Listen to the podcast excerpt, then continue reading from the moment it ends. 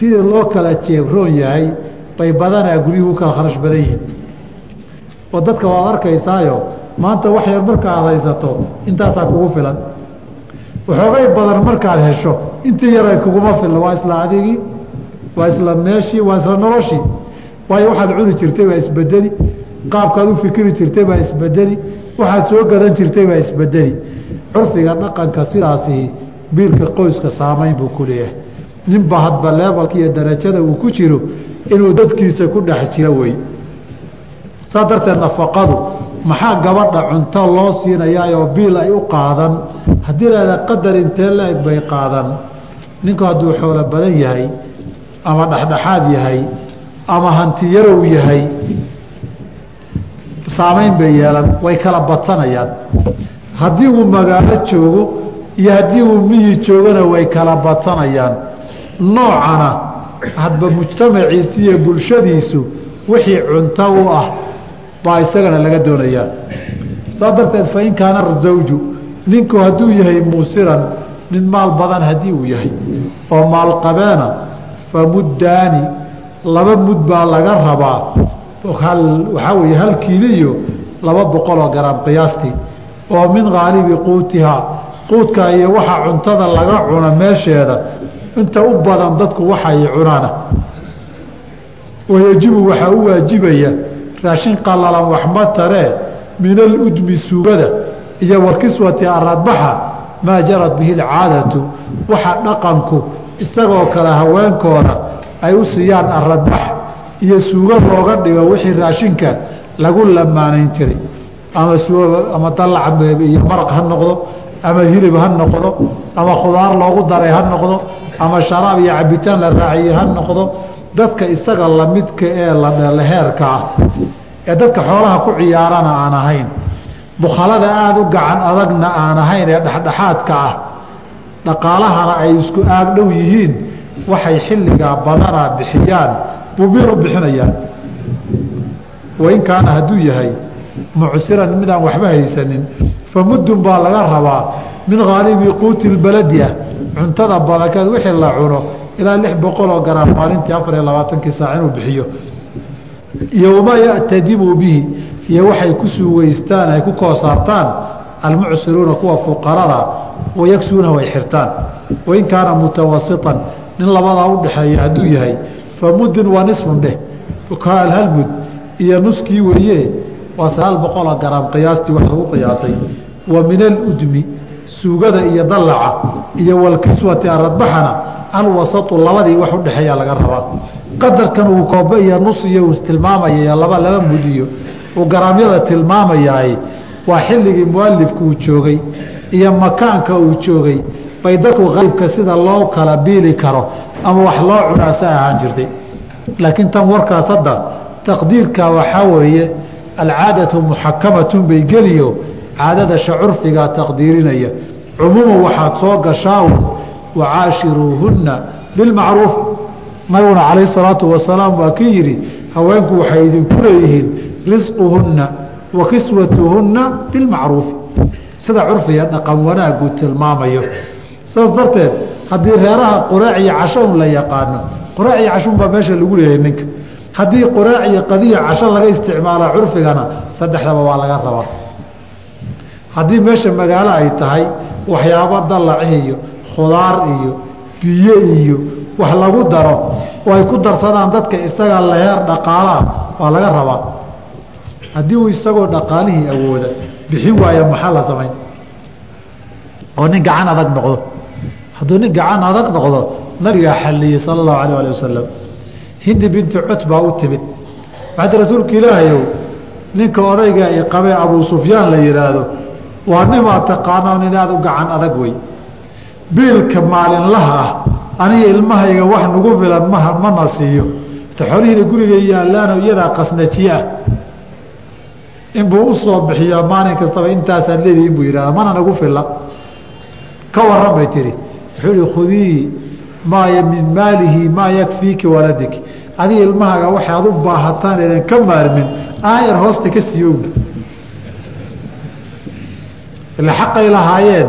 Inta laysxagxagan lahaa xoolihiiba haday kuag yaalaane aayarun hoosta ka sii buyiriyo way xadi kartaa islaamtu wixii biilkiiyo nafaqadii.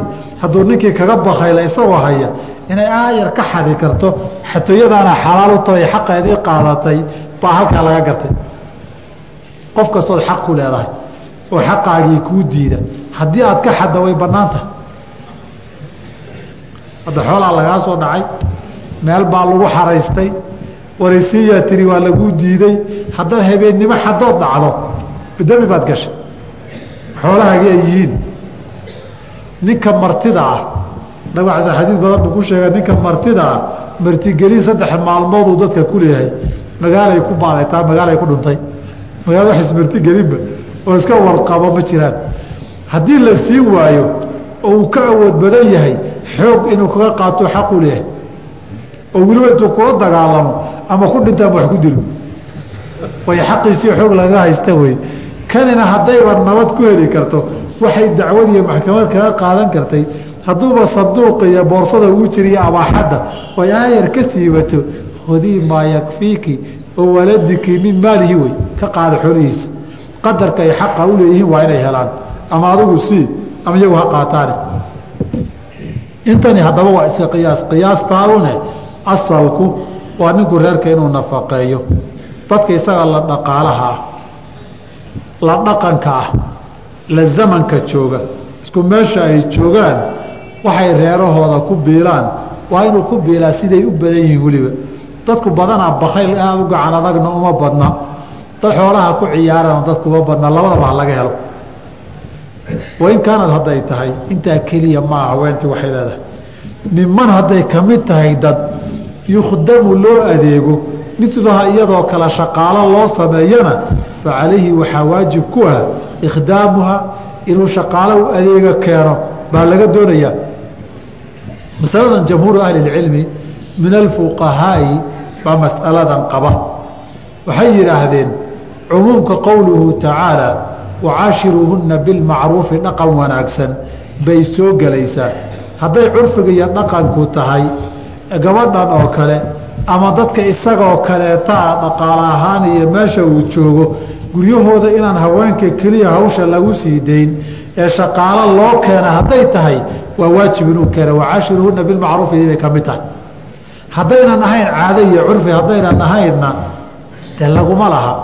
Hadda magaalada nairobi ninkii waxoogay haystaba shaqaala jooga guriga soomaa shaqaalaha curfiga hadduu yahay hal mid inay noqoto hal mid baa laguu leehay hadduu curfigu yahay dhaqanku inaad laba ka dhigto haddaad rabto soomaaliya madow kala dhaho laba inaad ka dhigtaa waajiba.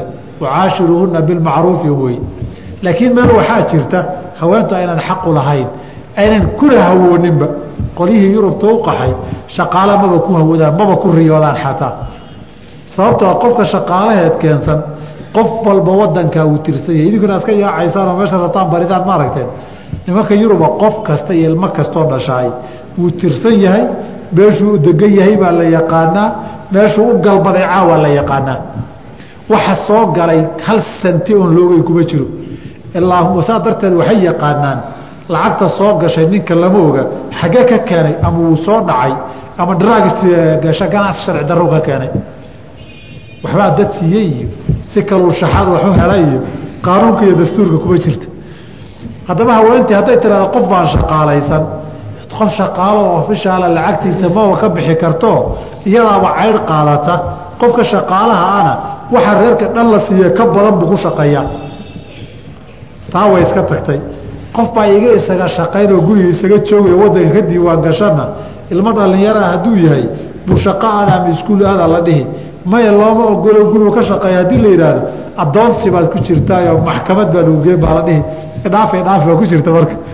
Marka kuma riyoodaan curfigaas haddaba shaqaalaan aniga rabo hadday tiraa gardarro waay. Waxaa kaloo dhogaa shaqaalahan ku aqoon jiray baadiyaheenna baadiyaha shaqaalo miya loo keenaa? Shaqaalo xoolo raaco oo beer ka shaqeeya la gelay. Laakiin shaqaalo guriga ka shaqeeyo islaamta xoolaha la lisa. Curfigaa loo noqon marka curfigu wain kaanat minman yukhdamu miluhaa iyadoo kale haddii loo shaqayn jiray maxaa looga jeedaa? Laba labada way soo galaan. Iyada oo kaleeta haweenka lamidka ah ee dhaqaale ahaan iyo dhaqan ahaan iyada lamidka ah ee aqraanteeda ay tartamaana hadday shaqaalo wada haystaan waa inaad keentaa min yakdo milhaa bay soo geli waxaa labaadoo soo geli bay yidhaahdeen iyada oo kaleta reerkaad ka soo guursatay haddii ayna gabdhuhu gurigoodiiba shaqaala u shaqayn jirayoo iyadu ma shaqayn jirin oo jikama gelaysin ama dharkama dhaqi jirin. Gabadhaheedi waxay ku soo kortay iyadoo kaliya reerahooda waa loo shaqeeya ay shaqaalo keen. Inaad keentaa lagaa raba labadaba fuqahadu way ku fasireen. Wain acsara hadduu faqiiroo kari waayo binafaqatihaa biilkeediibuu kari waayey. Biil buu waayeyba ninkii reerku wuxuu ku biiluba waayey. Ama waa nin xanuunsadoo ma shaqaysan karo ama shaqala-aan baaba dhacdoo meeluu ka shaqeeyuu leeyahay si kastaba ha keentee isaga arijaalu qawaamuuna waa kii la yidhi bimaa fadala allaahu bacdahum calaa bacdin wa bimaa anfaquu min amwaalihim. Maalkii biilkii bixinayey buu waayey. Waa xaqay lahayd. Labay khiyaaru leedahay inay iska sabirto oy dhibkaa isaga dulqaadato oy nolosha iskakala qarda jeexdo ama iyadoo hadday xoolo leedahay isdabarto ismaamusho waa khiyaar u furan. Waxaa khiyaar kaloo u furan falahaa waxay xaq u leedahay fasku nikaax. Inay ka fasakhato tirado wareerdhay dhaaf mas'uuliyaddaadana ma qaadi karo. Meeshana waan soo taagnahay. Dee nin mas'uuliyaddiisii gabay orodoo dunida dhinac ka raac inay tiraahdo oy warqadeedii ka qaadato. Hadduu diidana qaadi u geysoo la fasaqo bay xaq u leedahay. Waa iyada xaqii lagu lahaa hadday gudatay xaqeedii oy nafaqadii iyo biilkii iyo masruufka ka mid tahay waa inuu ka bixi karaa. Haddaanuu biilkeedii ka bixi karin xaqeeda hadday rabtana way la joogi hadday rabtana way ka fasaqan. Ha ku calaacalin haddaba hadhow aniga maxay ma igu sabirta iyo maxay saa u leedahay iyo xaqa garta waa lagaaga taagan yahay. Walidaalika markaad guursanaysayba waxaa la yidhi man istaaaca minkum ulbaa'ata ninkii reerka biilkiisa ka bixi kariya reernimadiisa falyatazawaja guursada. Waman lam yastatic ninkaan awoodinna facalayhi bisawmi ha iska soomaa la yidhi. Qur'aankuna waa sheegay mar kaleo wuxuu yidhi walyastacfif aladiina laa yajiduuna nikaaxan xataa yugniyahum allaahu min fadlih ilaahay walaa wax ka siiyo kuwa aan reerka mas'uuliyaddiisa dhaqaale qaadi karin ha is ilaaliyaanoo ha isxajiyaanoo dadayna mas'uuliyaddiisa qaadi karina qoorta la gelin. Haddii uu soo doono gabadha oo reerka soo weydiisa nimaan waxba haysaninna waxba iskuma furatide iska tag waa la dhihi karaa. Adoo dadka ugu diin fiican oo ugu akhlaaq fiican oo ugu dadanimo fiican oo ugu aqoon badan shilinkaama dhace iska bax waa lagu dhihi karaayo. Faatima binti qays markay mucaawiya abujahmi soo wey la soo hadleen nabigu wuxuu mucaawiya iska daabuy maxaa yeelay fa sucluukun laa maala lahu. Waa faqiiran shilin isku furan. Shilinba kama dhaca buy marka laba qaawan isma qaado. Laba qaawan isma qaado. Adugu haddaa reeraha gabdhahooda doonatana siday carabtu tiri unbaad noqon. Mandagalbaaba wajada aljawaab dheh digaalbaaba gargaraaca jawaab baa u soo baxda haddaa reerihii waxaa laygu dara tiraahdo de xilka inaad qaadi karta wey maalinkaad xilkaaga gabto ummadda ha mustaqbal seejinine madaxooda u dhig iyagu hadday kaa dalbadaan wakadaalika sidoo kale fasaq bay xaqu leedahay. In acsara hadduu ku faqiiro bisadaaqi meherkiibuu waayey qabla dukhuuli intaan loo galgalmi iyo reernimo aanay imanin. Intaana reer noqonin ee gogol iyo aan laisreeraysanin hadduu meherkii wuxuu ku bixiyo waayo waxaa dhihi karta wareedha ninkaadan meherkiina ka badan ma tari kartide. Xil ka badan iyo culays kuguma aamini karee iminkaa nabad qabaayo weli gabadhnimada idiin haystaaye. Niyow banaanka iga maro halka warqadda idiin dhig. Xaq bay u leedahay hadday tidhaahdo. Haddii laakiin reer la noqday tala fara uguma jirtee meherkii waa dayne. Ha iska riixriixato ha iska weydiisato oo muddo ha iska barbarido.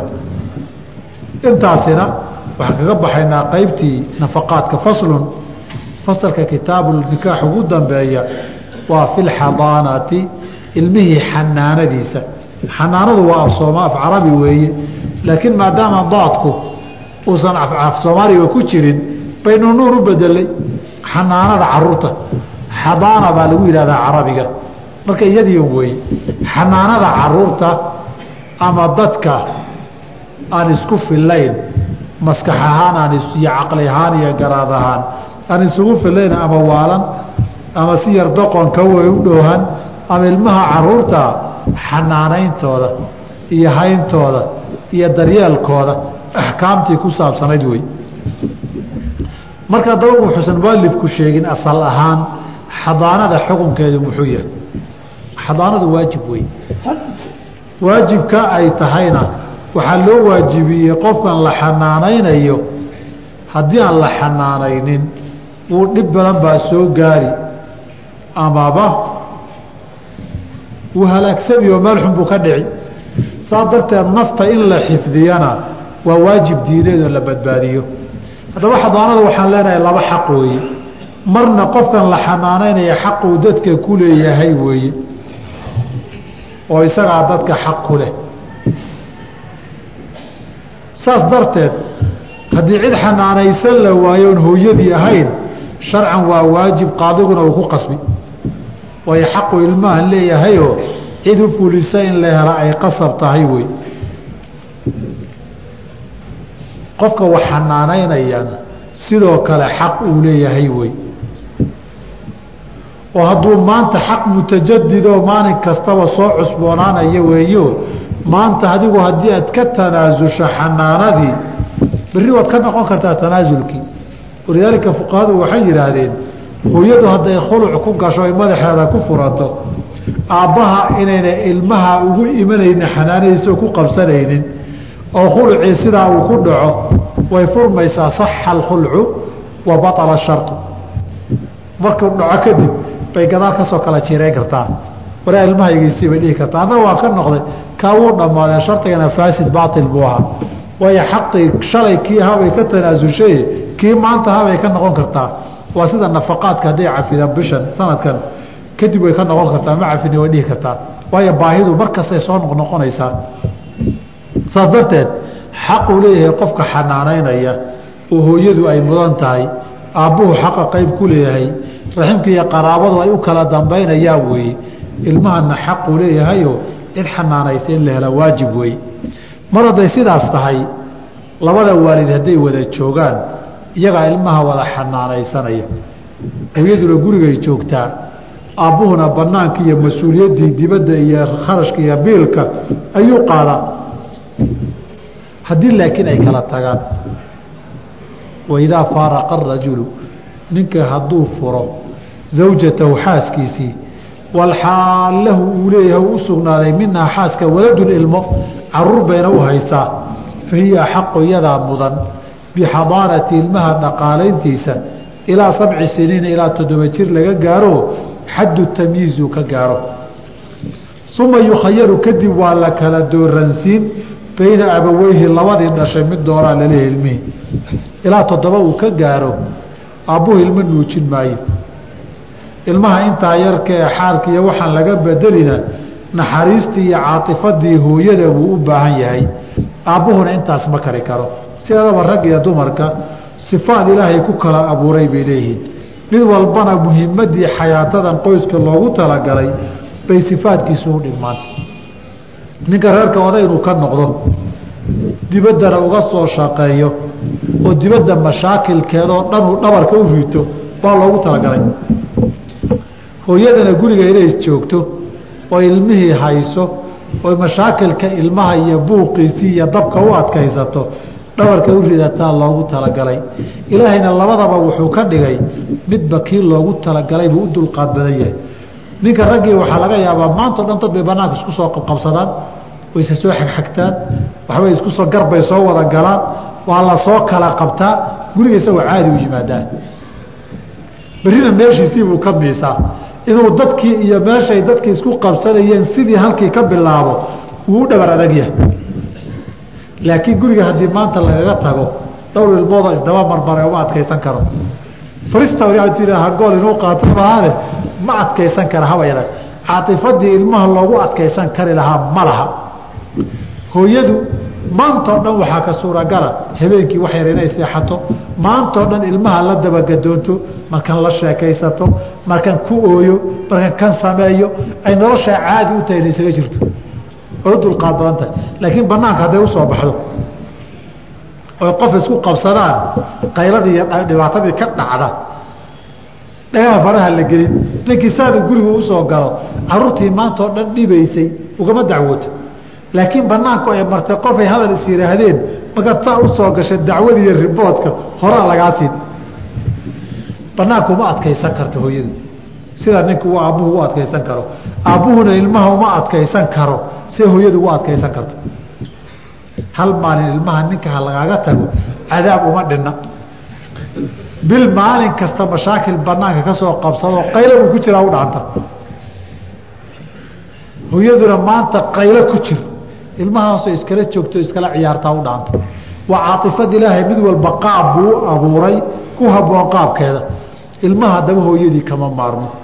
Aabbuhu sida hooyada uguma adkaysan karo uguma dulqaadan karo uma uma koolkoolin karo baahidiisa uma fahmi karo markiiba jiq buu dhigo u isxiri saa darteed ilmaha sidaa u yari hooyadii baa ku haboon inay hayso. Nabiga calayh salaam xilligiisiibaa nin iyo xaaskiisii baa kala tegey ilmo yaroon toddoba jir gaadhin buu yidhi waan kaa qaadan ilmihii. Ilmaho markaa socod barto afar jir shan jir meelahaasoo laakiin koobka iyo waxa maradaa ii soo qaadayo adeeg bilaabay. Markaasay nabiga u soo dacwooto waxay tihi rasuulka ilaahi calayh salaatu asalaam ilmahaygan horta calooshayda aan ku waday bay tiri oo weel u ahayd. Dhabtaydana waa ku seexan jiray. Naaskaygana meeshuu wax ka cabee ku nool yahay bay ahayd. Hadda markuu dhaqaaqaya inuu waxii soo qaadqaada bilaabay oon kala tagna yiri waad iga qaawan kaa qaadan markaasuu yihi anta yaxaqu bihi maa lam tankixi. Haddii aadan nin kaleo weliba shisheeyaa loo jeedaayo guursanin adaa ka mudan. Maxaa loo jeedaa ninkaasi wiilka adeerkii iyo miday ilmo adeer yihiin iyo kuwa qaraabadiisa hadday guursato waxba dhib ma laha. Oo aabbihi hadduu dhinta dhaqaalayntiisa yeelan lahaa waxba dhib ma laha. Laakiin nin shisheeye ah maxaa saa loo yidhi? Mushkiladda u weyn baa ka taagan. Islaan ilmo wadata iyo ninaan ilmahan adeerkooda iyo aabbahood ahayn oo guursaday waa mushkilad joogtaa xayaatada nolosheeda. Haweentiina cuqdadu waxay qabtaa ninkani ilmaha ma dhalinoo kollaba uu dhibsan doonaa. Saa darteed ilmihii bay looyar u tahay oo ninkeedii ka difaacaysaa isagiina wuxuu is leeyahay haddii ay juuq afkaaga ka soo baxo ilmahaad ka cuqdadaysan tahay baa lagu isla dhinac buu ka jiran yahay? Laba ruuxoo isbibidhac u jiran yahayna waa dhib badan tahay hadduu maalin yidhaahna ilmaha sida ka da sidan ma fiicnana waadan dhalin baa u taal. Kuwaad dhashay saamaada yeesheena waadan dhalin. Xataa haddaad adeer ilmaha u tahay mushkiladaasi raggii dumaasha qabay ilmaha ilmaha ku guursada adeerkuu yahay dhibaatooyin badan bay ka soo sheegteen. Maraaxil iyo meelo kala duwan oo badanoo la joogay. Saas darteed waxaa unu dul qaadan kara nin ilmihii la dhashaye haddii islaantii ilmo guursato nin guursato ilmahani wuxuu sabab u noqon reerkaa inuu burburiyo oo reerkaa kala diro. Iyagoo laga yaabo carruur isaga ka badan inay joogaan ay gadaal ka dhashaan haddana ninkiiyo naagtiisu isku diri haweenta yuusan mustaqbalkeeda seejinin xuquuqdii ninkeeda ku lahaana yuusan tuhur iyo midmadow soo dhexgelinine aabbihii hala haro meeshuu geyna geeye. Aabbihii hala haro gabadhana in laga reebay dani ugu jirtaa. Markaasaa idin leeyahay gara badanoo waxaan galay mushkiladaasoo kale ay ka taagan tahay gabadhuna reer kale inay yeelato ninkeeda yeelato reerkeeda dhaqato ilaahay ilmo kala siiyo. Baa uga roon halkan mid inay ninkay guursataba isugu cadaabmaan waxaa laga yaaba kale markay hal u dhashay inay kan dartii u kala tagaan. Ka labaad iyadoo laba wadata iyadoo hal wadatay ninku heshii waayeen iyadoo laba ajnabi kaa wadata. Soo mashaakil maaha. Mashaakilkumaa sii badan waxaa laga mid labaad inuu guursado ay mid kale u dhasho labadii hore darteed u kala tagaan. Saddex kala aabba ay wadataa marka. Ninka afraadi hal baa lagu wadi waaye saddex ma lagu wadi karaa. Mushkiladaas si looga taxadaro ninkana xaqiisii u helo. Iyadana xurguf iyo tuhun aynan u qabin oo ninka waardi aynan uga haynin oo halkan laba cadow oo la kala ilaalinaya aynan reerkii dab uga dhex shidmin baa la yidhi maa lam tankixi. Haddaadan nin kale oo kaka fog guursanin lakiin nin ka fog haddaad guursatahay ninkaa xuquuqdiisa iyo reerkaas si loo badbaadiyo ilmahan wuu iska weynaan. Adun baana waalid dhale hoos aakhirka ku imaan iska reeb aabbihii. Ha soo koriyo hadhow hooyadii yaa arkay isagoo leh ku raadinaya adaa uma yukhayaru waa la kala dooransiin beyna abaweyhi waxbuu kala gartaye fa ayahuma khtaara midkoodii uu doortaa sullima ileyhi loo dhiibi. Ama laba muslim ha noqdaan ama laba gaal ha noqdaan oo muminiin muslimiin ku dhex nool ama gaal iyo muslim labada waalid ha noqdaan. Xilligii nabigeena dhacday calayhi salaatu wasalaamo ninbaa wuxuu furay xaaskiisii. Ilmo yarna waa ka dhaxeeyey islaamtu gaal bay ahayd ninkana muslim buu ahaa. Nabigaa la isula yimid anaa haysan iyo anaa haysan. Waxaan diintuna waa mas'ala inay ilmahan beerkoodiiyo labadaba dhaleenna masalo kala wey. Aabbihii buu ihi xaggaa istaag. Hooyadiina wuxuu yihi xaggaa istaag. Ilmihii buu dhexda istaajiyey. Wuxuu yidhi haye labadii aabbahaana wakaa hooyadaana wataa midkaad rabta raaco xaggiisa u dhaqaaq dee ilmo yaroo intaa la yidhi xaggee fiiriyaa badana? Hooyadiina ilmaha kaaga dhoodo oo kaaga naxariis maanta qirtay soo maa xagga hooyadii buu saa u fiiriyey markaasuu nabigu wuxuu ilaahu hanuuni. Wuu ismajiiray oo aabihii buu raacay. Gacantuu qabsaday wuu la tegey. Haddii markaa hooyada uu raaci lahaana waa ula tegi lahayd soomaa kala dooro unbaa la dhihi ilmaha. Haba yaraadee ilmuhu qofka u roon waa yaqaan. Qofka u roon ee u naxariis badan wuu yaqaanaa. Aabbihii hooye hadduu aabbo doortana hooyadaasi hooyo dhib badan wey. Hooye ilmaheedii oo yar aabbo maalintii oo dhan ka maqan markuu soo socdana ilmaha lagu cabsiye ware aamus haddii kale aabbaan kuu sheegi oo foobiyaba uu ka qabo hooyadii ka doortay hooyadaasi waxaa wey hooyo sahlan maaha. Sidaasuu nabigu u kala xukumay calayhi salaatu wasalaam.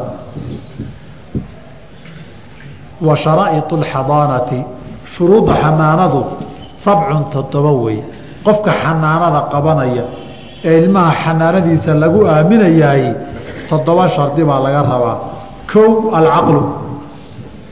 Inuu caqli leeyahay.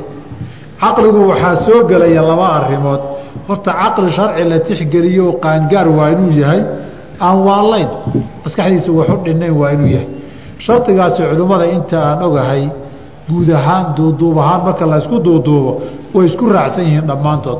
Maxaa yeelay nintiisiiba meel ula oo sabi oo la maamulo ama majnuun oo gacanta lagu hayo miyaa ilmo inta loo dhiiba la dhihi hadduu mas'uul ka noqo maamul. Tiisii wax u tari waayo gacanta lagu hayaa. Waxaa kaloo shardiga wadiinu diinta macnaa islaam baa shardiga inuu yahay. Haddii ilmuhu muslim yahay ilmuhu haddii uu muslim yahay cidda loo dhiibayo in waalidkii ahayn inuu muslim yahay baa shardi ah. Waalidka laakiin xadiidkan soo sheegnaa ka reebaya. Waalcifatu qof dhowrsoon inuu yahay. Oo diin ahaan toosan waa inuu yahay. Qof la yaqaana tuug la yaqaano ah ama daroogiiste la yaqaano ah ama qofkaa tuntee la yaqaano een waxba kala xigin xaaraan iyo xalaal xiriirka gogoleed kala xigin qofka saas kaleetaa dee ilmo laguma aamini karo. Ilmo ku hawalxoriyati waxaan ka booday shardiga xoriyada inuusan addoon ahayn addoon isagaaba xoolo laleeyahayo beri la iibin ama lagadi ama la dirsane cidnaa mas'uul kama noqon karo waa xoolo. Cifada waxaa loo shardiyey diin ahaan qof aan fisqi iyo xumaato mashhuur caan ku ahayn waa inuu yahay. Bimacnaa waa inaan xumaato iyo akhlaaq xumo iyo dhaqan xumo lagu aqoonin. Nin tuugahoo la yaqaano ama islaan tuugaahoo la yaqaano ama laba qof oo rag iyo dumaroo tuntoo kalaabyada taaganoo la yaqaano ama qolyo khamriga iyagoo raansan meelaha marmara. Ama nin iyo nin iyo haween. Muqayiliinahoo marduufku ag yaallo. Mas'uuliyad xadaana ma qaadi karaan waa dad majaaniina wey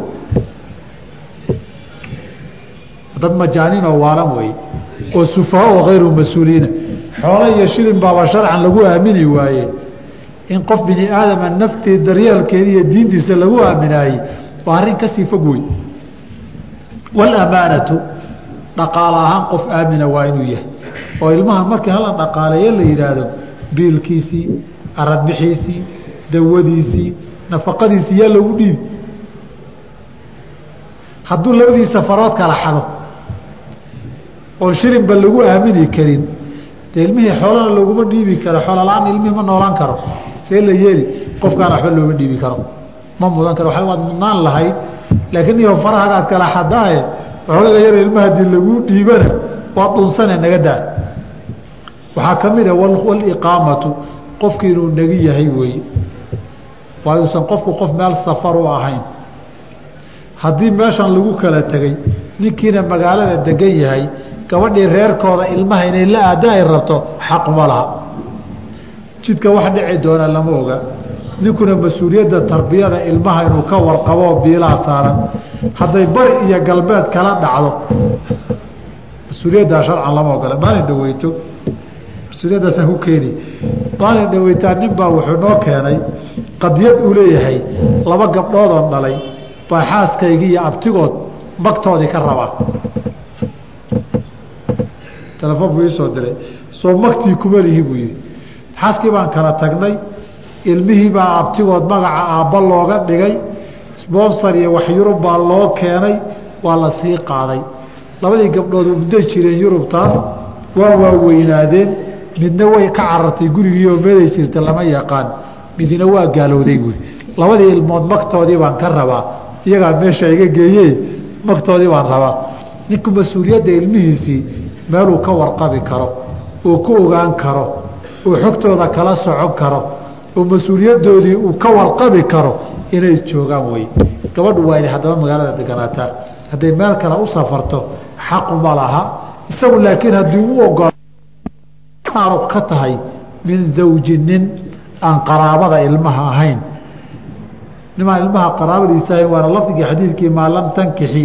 Haddii aadan guursanin hataa aynu ka soo hadalnay fain ikhtalla hadduu isdhimo sharun minhaa minhaa shuruudan la sheegay sharun hal shardi haddii la waayo saqaطad lahaanshihii ay xaqa qofku u lahaa waa dhacayaa oo waa waayayaa marka masaladaas waxaan ku soo gabagabaynaynaa baabulxadaana qofka ilmaha xanaanaynaya hal ahaada xaqa. Laakiin xuquuq kaloo wuxuu mudan karaa in xoolo lagu siiyo ujro lagu siiyo ama hooyadeedu ha noqoto ama qof kale ha noqotee in lagu siiyo nafaqo lagu siiyo bay xaq u leedahay. Qur'aankaana sheegay. Aayadaha qur'aanka baa suuratu alaaq lagu sheegay oo la yidhi markaad kala tagtaan fain kuna ulaati xamlin faanfiquu calayhina xataa yadacna xamlahuna ilaa dhasho hadday dhasho kadibna fain ardacna lakum.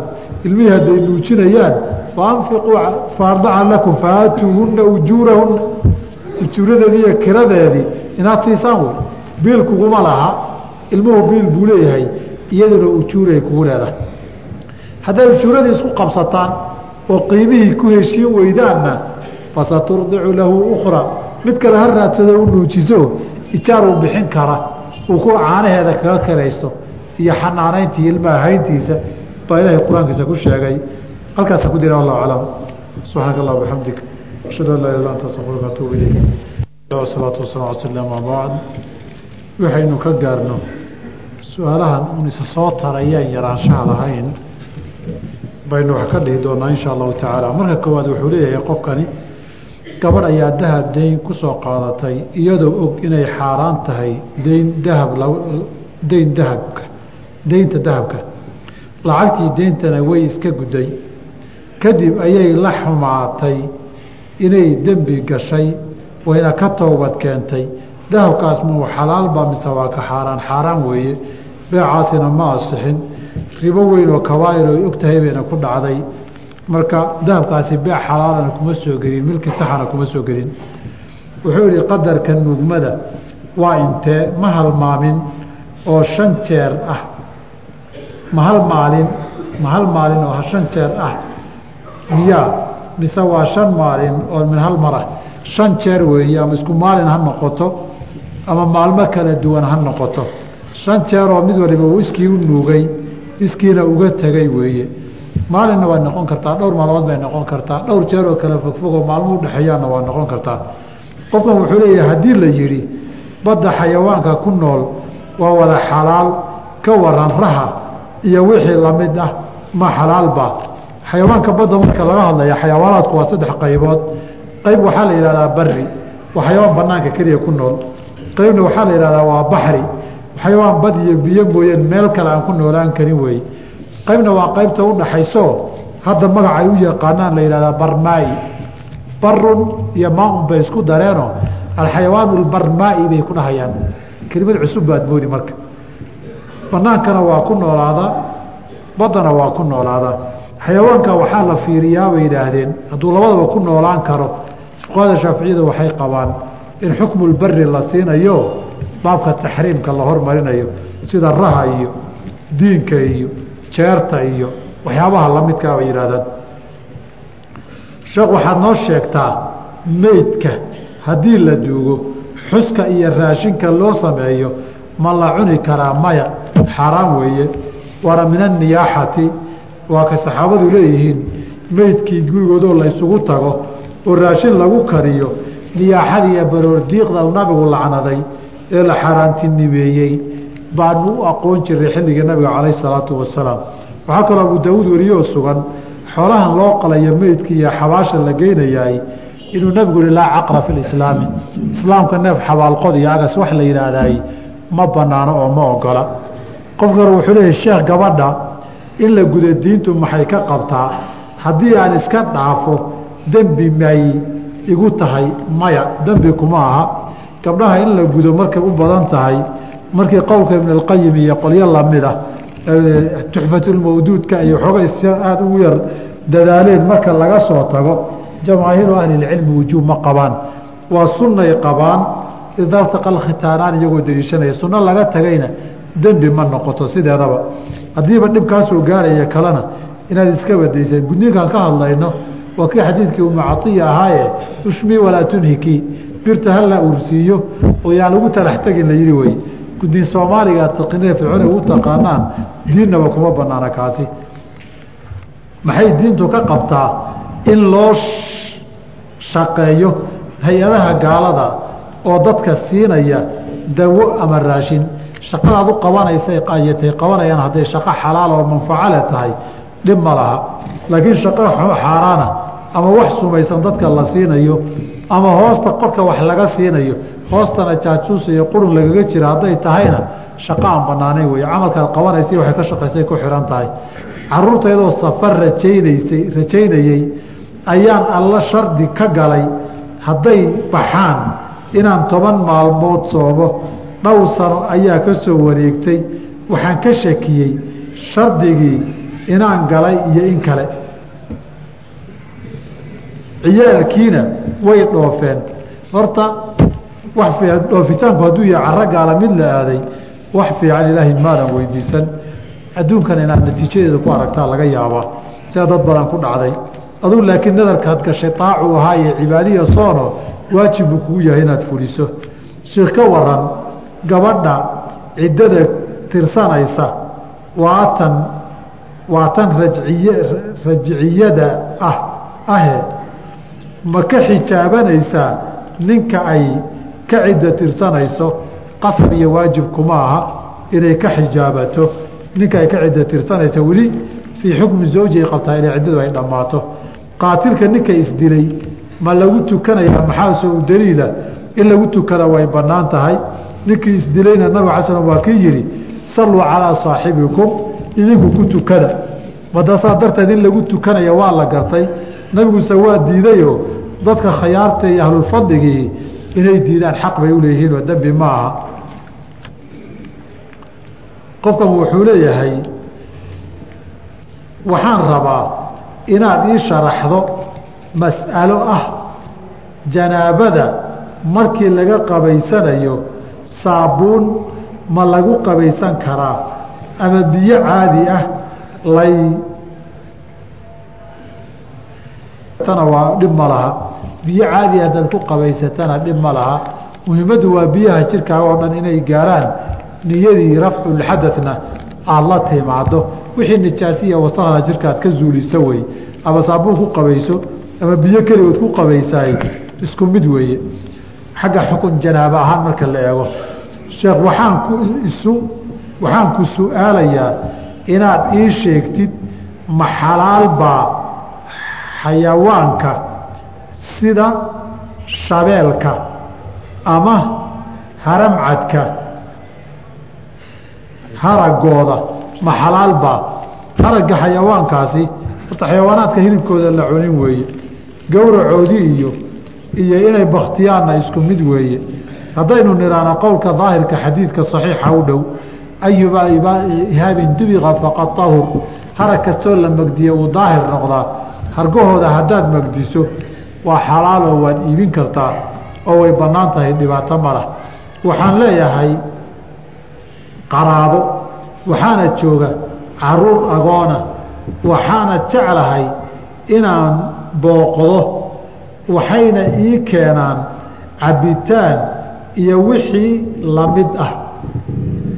Wayna dhibtaa arintaasi ikhwaani arrintaa koob shaahoo laga cabay iyo galaas biyo kuu keenan oo agoonta ka soo cabtay wax dhiba ma laha. Waxaa cishrada bilmacruuf iyo ilaahi subxana watacaala agoonta lahayo kale markuu ka hadlahayey wuxuu yihi wixii dhiba dhib ma wixii caadi ah dhib ma laha. Suurat lbaqara marka lagu sheegay baa la yidhi inaad isku darsataan xoolaha wax dhibaato ah ma laha laakiin wixii ku talaxtaga iyo xoola kaga tumashaa baa la diidan yahay. Haddaa shakiga mugdi inaad ka baxdaan rabtaan shaah iyo biyahana iska caba idinkuna waxoogay gacan qabsa u sii geeyi. Laakiin carruurta in la karantiilo oo la yidhaha waxayn soo agmari kara ma laha oo koob shaha laydinka cabi maayo oo qaraabada gurigiina fadhiisan maysa in la yidhaahdaay. Haddaad waraysataan agoonta waaweynaatee waayeeshay xanuun aada u tira badan bay ku reebtaa saas darteed bay mararka qaarkood yidhaahdeen in xilliyada ciidda ah waxyaaba hadiyadaha ilmihii laga bixiya agoonka xoolihiisa haddii uu ka xumaanaya bixin la'aanta way bannaan tahay. Waayo xooluhu waxay manfaco leeyihiin markay tiibulqalbi iyo damiir iyo mooraal fiican keenayaan waa manfaco ilmaha u soo noqonaysa. Qof xanuunsan oo soomaaliya jooga qur'aan ma u aqrin karaa inuu alle caafiyo u ducee. Sida wanaagsan qofkaa u duceeye qur'aan looma akriye intaad ducayso ilaahay u bari ama adoo salaad tukaday ama adoo qur'aan akhristay ama adigoo sujuud ku jira ilaahay u bari ilaahay inuu caafiyo. Intaan badan rataa baan u malaynayaa.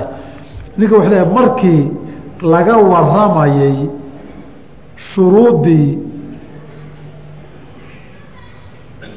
shuruuddii baa-inada gabadha dalqadaheeda dhammaadeen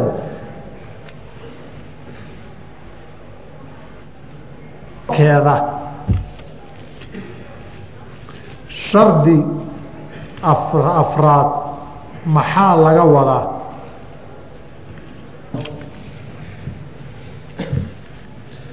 Qofka kale wuxuu leeyahay su'aalihii af soomaaliga aada uma aqaani mogtiin sheekhow waxaan ahay ragga ku nool khaliijka carabta.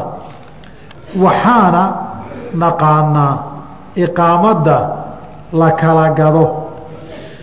Laga gaday qofka laga gaday iqaamadana magaciisa ma aha. Haddaba dhib ma leedahay mana soo gelaysaa.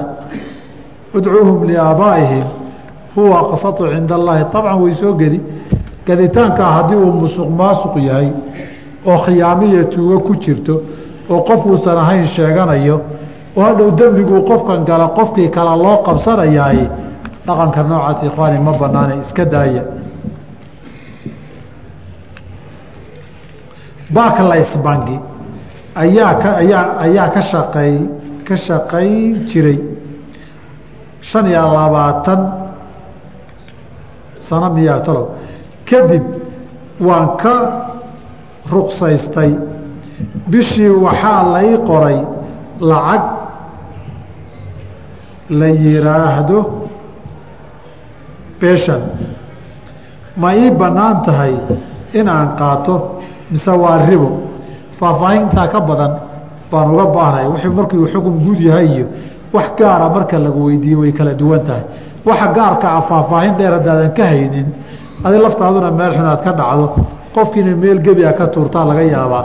Masaladaa qofkiila waxaan u baahnay inta arko inaan su'aalaha faahfaahina ka weydiiyo.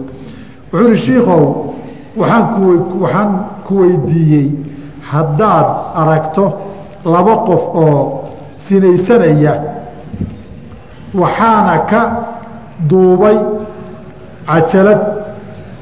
Taas markhaati ma noqotaa waxaan ku dhihi lahaa dhaqan fiicanna maadan samaynin. Ilaahay inuu asturaa laga yaabaaye hana sheegin. Dadka muslimkaa man satara musliman satarahu llah ilaahay baa kuu ceeb asturaye iyagana war towbad keena dheh. Adigana u astur ceebahoodo. Dadka muslimkaa ceebahooda lama muujiyo.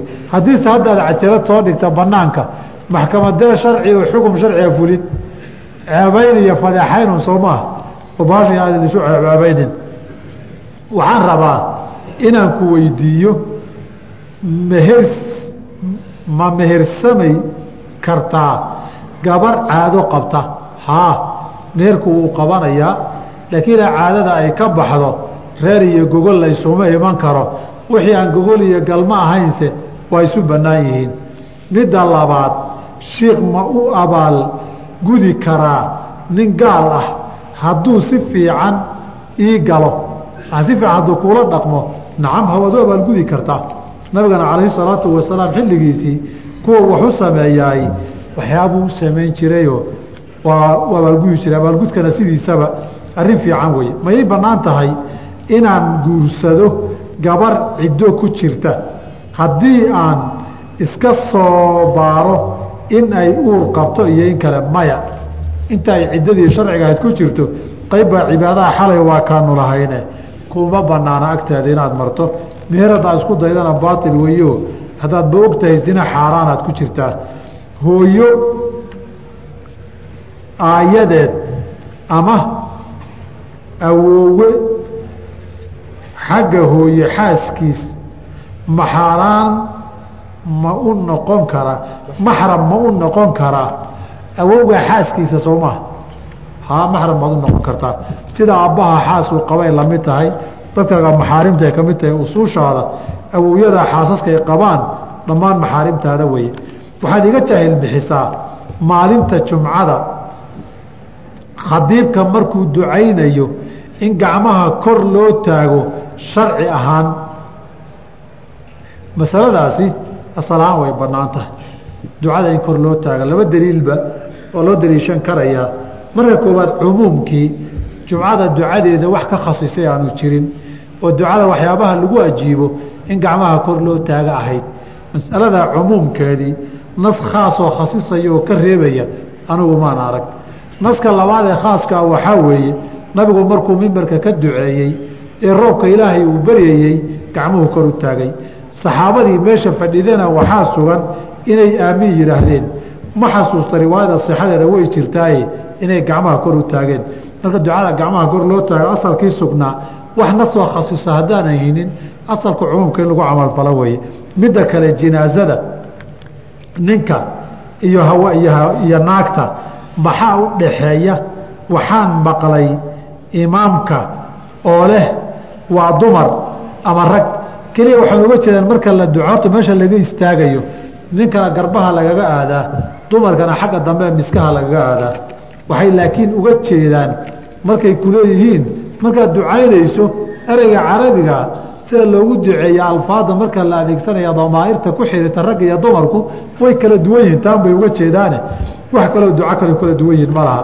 Haddii ciddada lagu kala ogaado in naagtu uur leedahay iyo in kale maxay maxay u cidda tirsan naagta masalada xale baan ka jawaabayo keliya caloosha in la hubsada ma ahane nooc tacabud iyo cibaadaha ku jiro kuwaaba ciddo tirsada laba huba inayna ninkiiba is aragba. Qofkan su'aalo badaamu soo qoray. Haddaan biyaha qabowgooda ka baqo ma booraysan karaa derbiga? Ma ku booraysan karaa? Ma booraysan karaa nacam haa? Haddaad biyaha qabowgooda ka baqdo maxaa u daliila qisadii khaswatu daati salaasil ee camr ibn alcaas ciidanka uu hogaaminayey ee ay janaabada ku dhacday? Ee uu intuu xasuustay qowluhu tacaala walaa taqtuluu anfusakum ina allaha kaana bikum raxiiman uu iska gebagabaystee tukiyey. Nabiga markuu u yimid ee saa loogu sheegana uu ku qoslee ka aamusay baa uu daliila.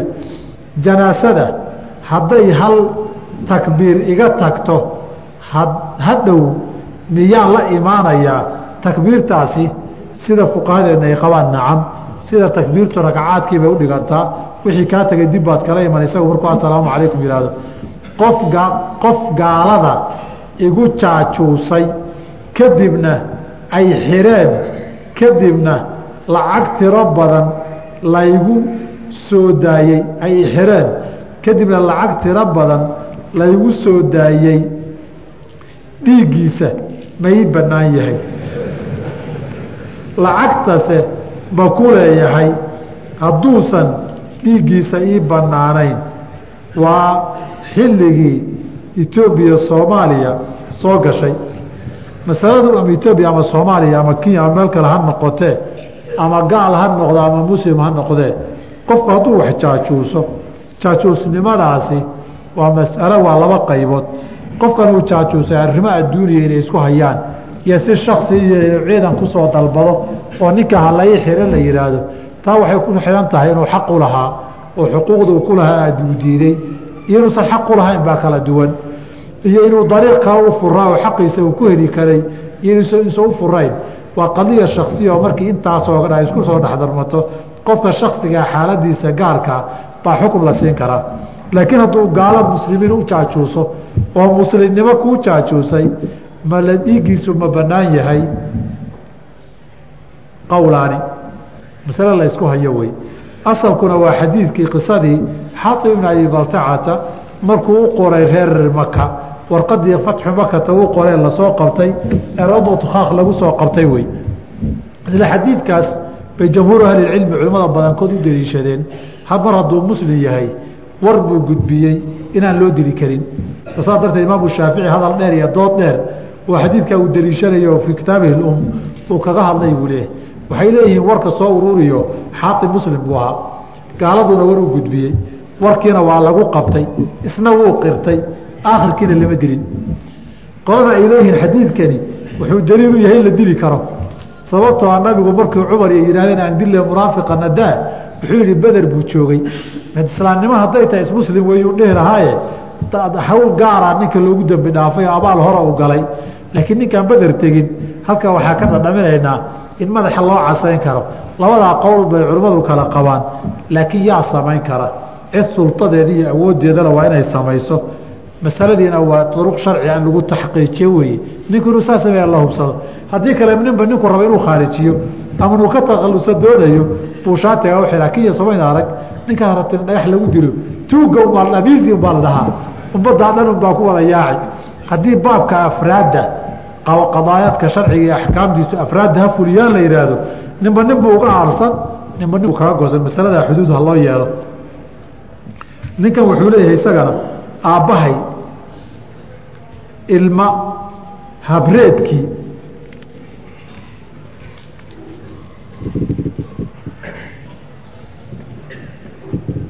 Oo aada waaweyn gacanta ma ku salaami karaa de hadalkan hadduu qof dumara iyo rag laga hadlayo aabbaha ilma habreedkii ilma adeerkii ilma abtidii intaba midna maxramkuuma aha. Waa laba ilma habreeda laba qof oo isguursan kara sooma ilma abti iyo ilma adeer ilma habreed way isguursan karaan. Maxaarimisu ma aha. Hadday rag iyo dumar kale yihiin gacan iskuma salaami karaan xaaraan wey waa dad ajaanibay kale yihiin. Naag ayaan kala tagnay. Nin kale ayay carruur carruur nin kale ayay guursatay. Waxay igu tiri waan iska furaa madax furo madax furasho ayaan samaynayaa ee ma i guursanaysa. Maxaan sameeyaa? Waxaad tidhahdaa maya reer bay leedahay nin bay leedahay naag nin qabo oo reer leh inaad dumisood kala dhex gasho oo tashbiih binisaai aada samaysaay. Xaaraan wey tuu doonay baaba kama daba dooni karti lagu yidhi adi naag nin qabo shukaansigeeda maxaa qoorta kuu geliyey? Warkaa waxaa ka muuqdoon waxay soomaalidu dhihi jireen naagi nin qaawiyey kama quusto. Wuxuu yihi salaan kadib waxaan ku weydiinay waxaan ku weydiiyey gabadha quruxda badan iyo ta kale ma kala meher badan yihiin. Ama ta diinta leh iyo ta kale ma kala meher badan tahay. Haa oo maya.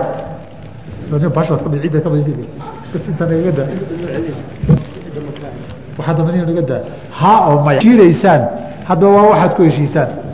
Haddaydan meher magacaabin ood reer noqotaan oo masaladu mahrulmali mili ay noqoto nacam way kala meher badan yihiin wax kastoo gabadhba gabadha kale lagaga doorbidayo ama caqli ama cilmi ama aqoon ama ama akhlaaqay leedahay ama diinay leedahay ama quruxay leedahay.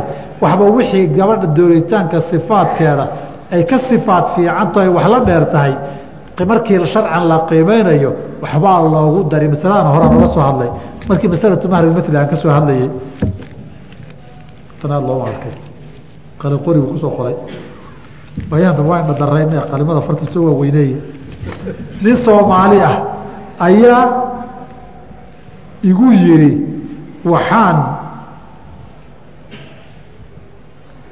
waxaan guursaday haweeney gaal ah wuxuuna ku mehersaday diinteeda ee ma bannaan tahay. Gaashu hadday ahlu kitaab tahay isna muslim yahay de way bannaan tahay ahlu kitaabka haweenku ay banaan yihiin aayaddii suuratulmaa-ida lagu sheegay. Diinteedu ku mehersaday haddaad uga jeedo reerkoodii buu weydiistay oo weligeedii baa siiyeyna. Dhib malaho waa sidii loo baahnaa. Hadday tahay kaniisad buu la tegayo baadari baa loo tegayo faraati baa loo geliyeyo taajkii kaniisadaa loo xirayo muusikadeedii baa loo qaadayna. Taas ma banaan inuu muslim noqon u malayn maayo. Qofkaasi haddaan wax kale loogu cudurdaarin sheekh waxaan ku weydiinaa macawis aan ku junuubay. Hadday qoyan tahay iyo hadday qalalan tahayba ma ku tukan karaa haa waad ku tukan kartaa. Waayo binaan inaynan janaabada iyo biyaha manidu ayna nijaas ahayn. Nabiga maradiisana intay ku ingegto baa ciddi lagaga xoqi jiray. Ama intii laga dhaqo iyadoo qoyan tahay weli buu salaada ku tukan jiray nabiga sal alah wasalam marka taasi dhimana su'aasha labaad haddii aan xaaskayga taataabto maradana aan ku arko qoyaan maradaas ma ku tukan karaa? Haddii aynad og tahay inayna biyo kaa imanin marada waa nijaasoo waa dhaqi meeshii qoyaanku gaarayo waxa xilligaa soo baxa almadyu baa la yidhaahdaa. Iyadana halayska dhaqaa la yihi oo nijaas wey cala saxiixi.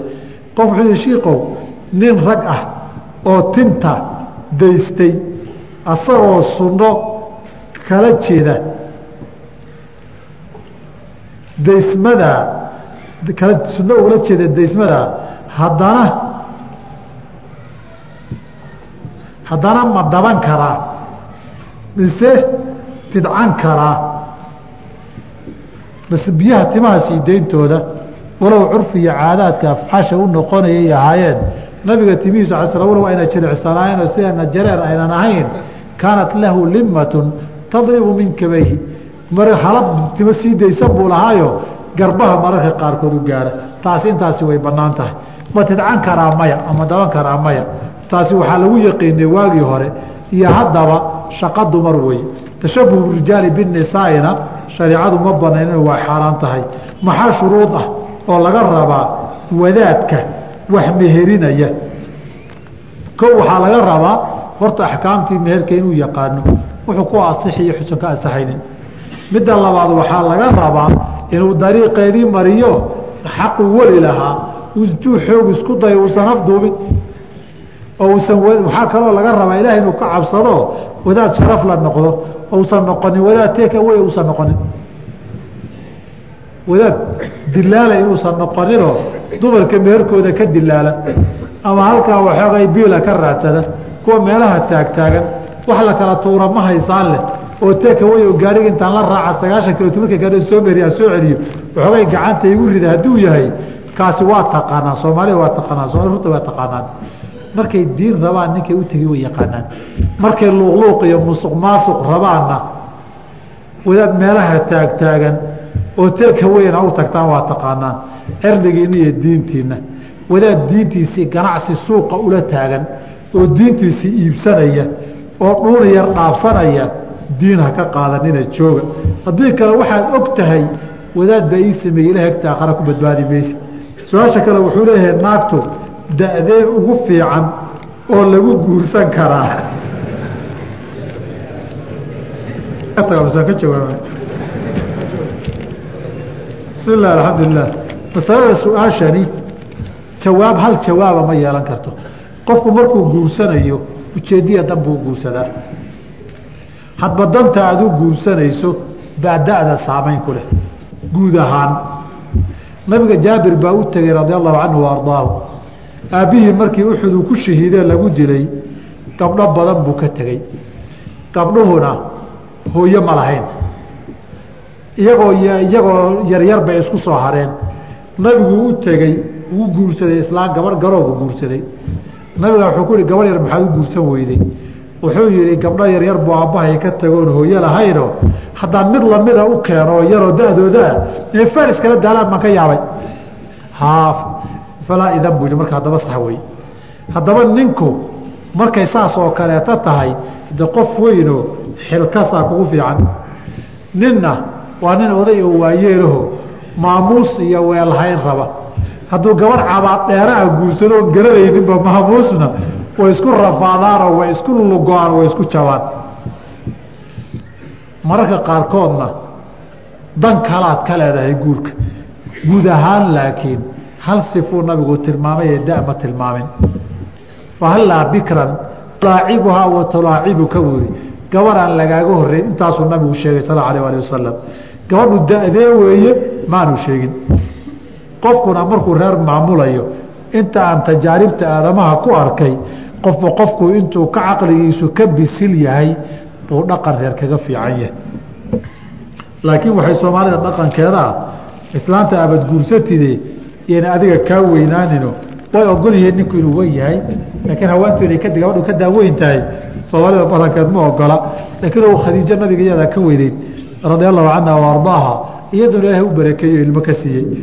Sheekh haddii ay cafis haweenayda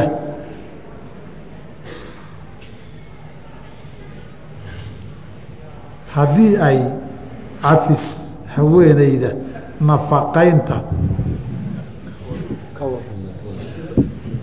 hadday cafida miya? Horaan u soo sheegay de xaqay leedahay cafin karta wey sooma xadhi way leedahay shiiqow nuujinta labada sana maxay dheer tahay tan ka tan halka sano. Dadka halka sano nuugay iyo kuwa labada sano nuugay. Asal ahaan xaqa ilmuhu leeya laba sano in la nuujiyo weeye. Labada waalid hadday isku raacaan ka hor way ka goyn karaan laakiin sharcan iyagoon isku raacin labadoodu ka hor inay ka goyso daruura la'aan iyo duruuf la'aan ma wanaagsana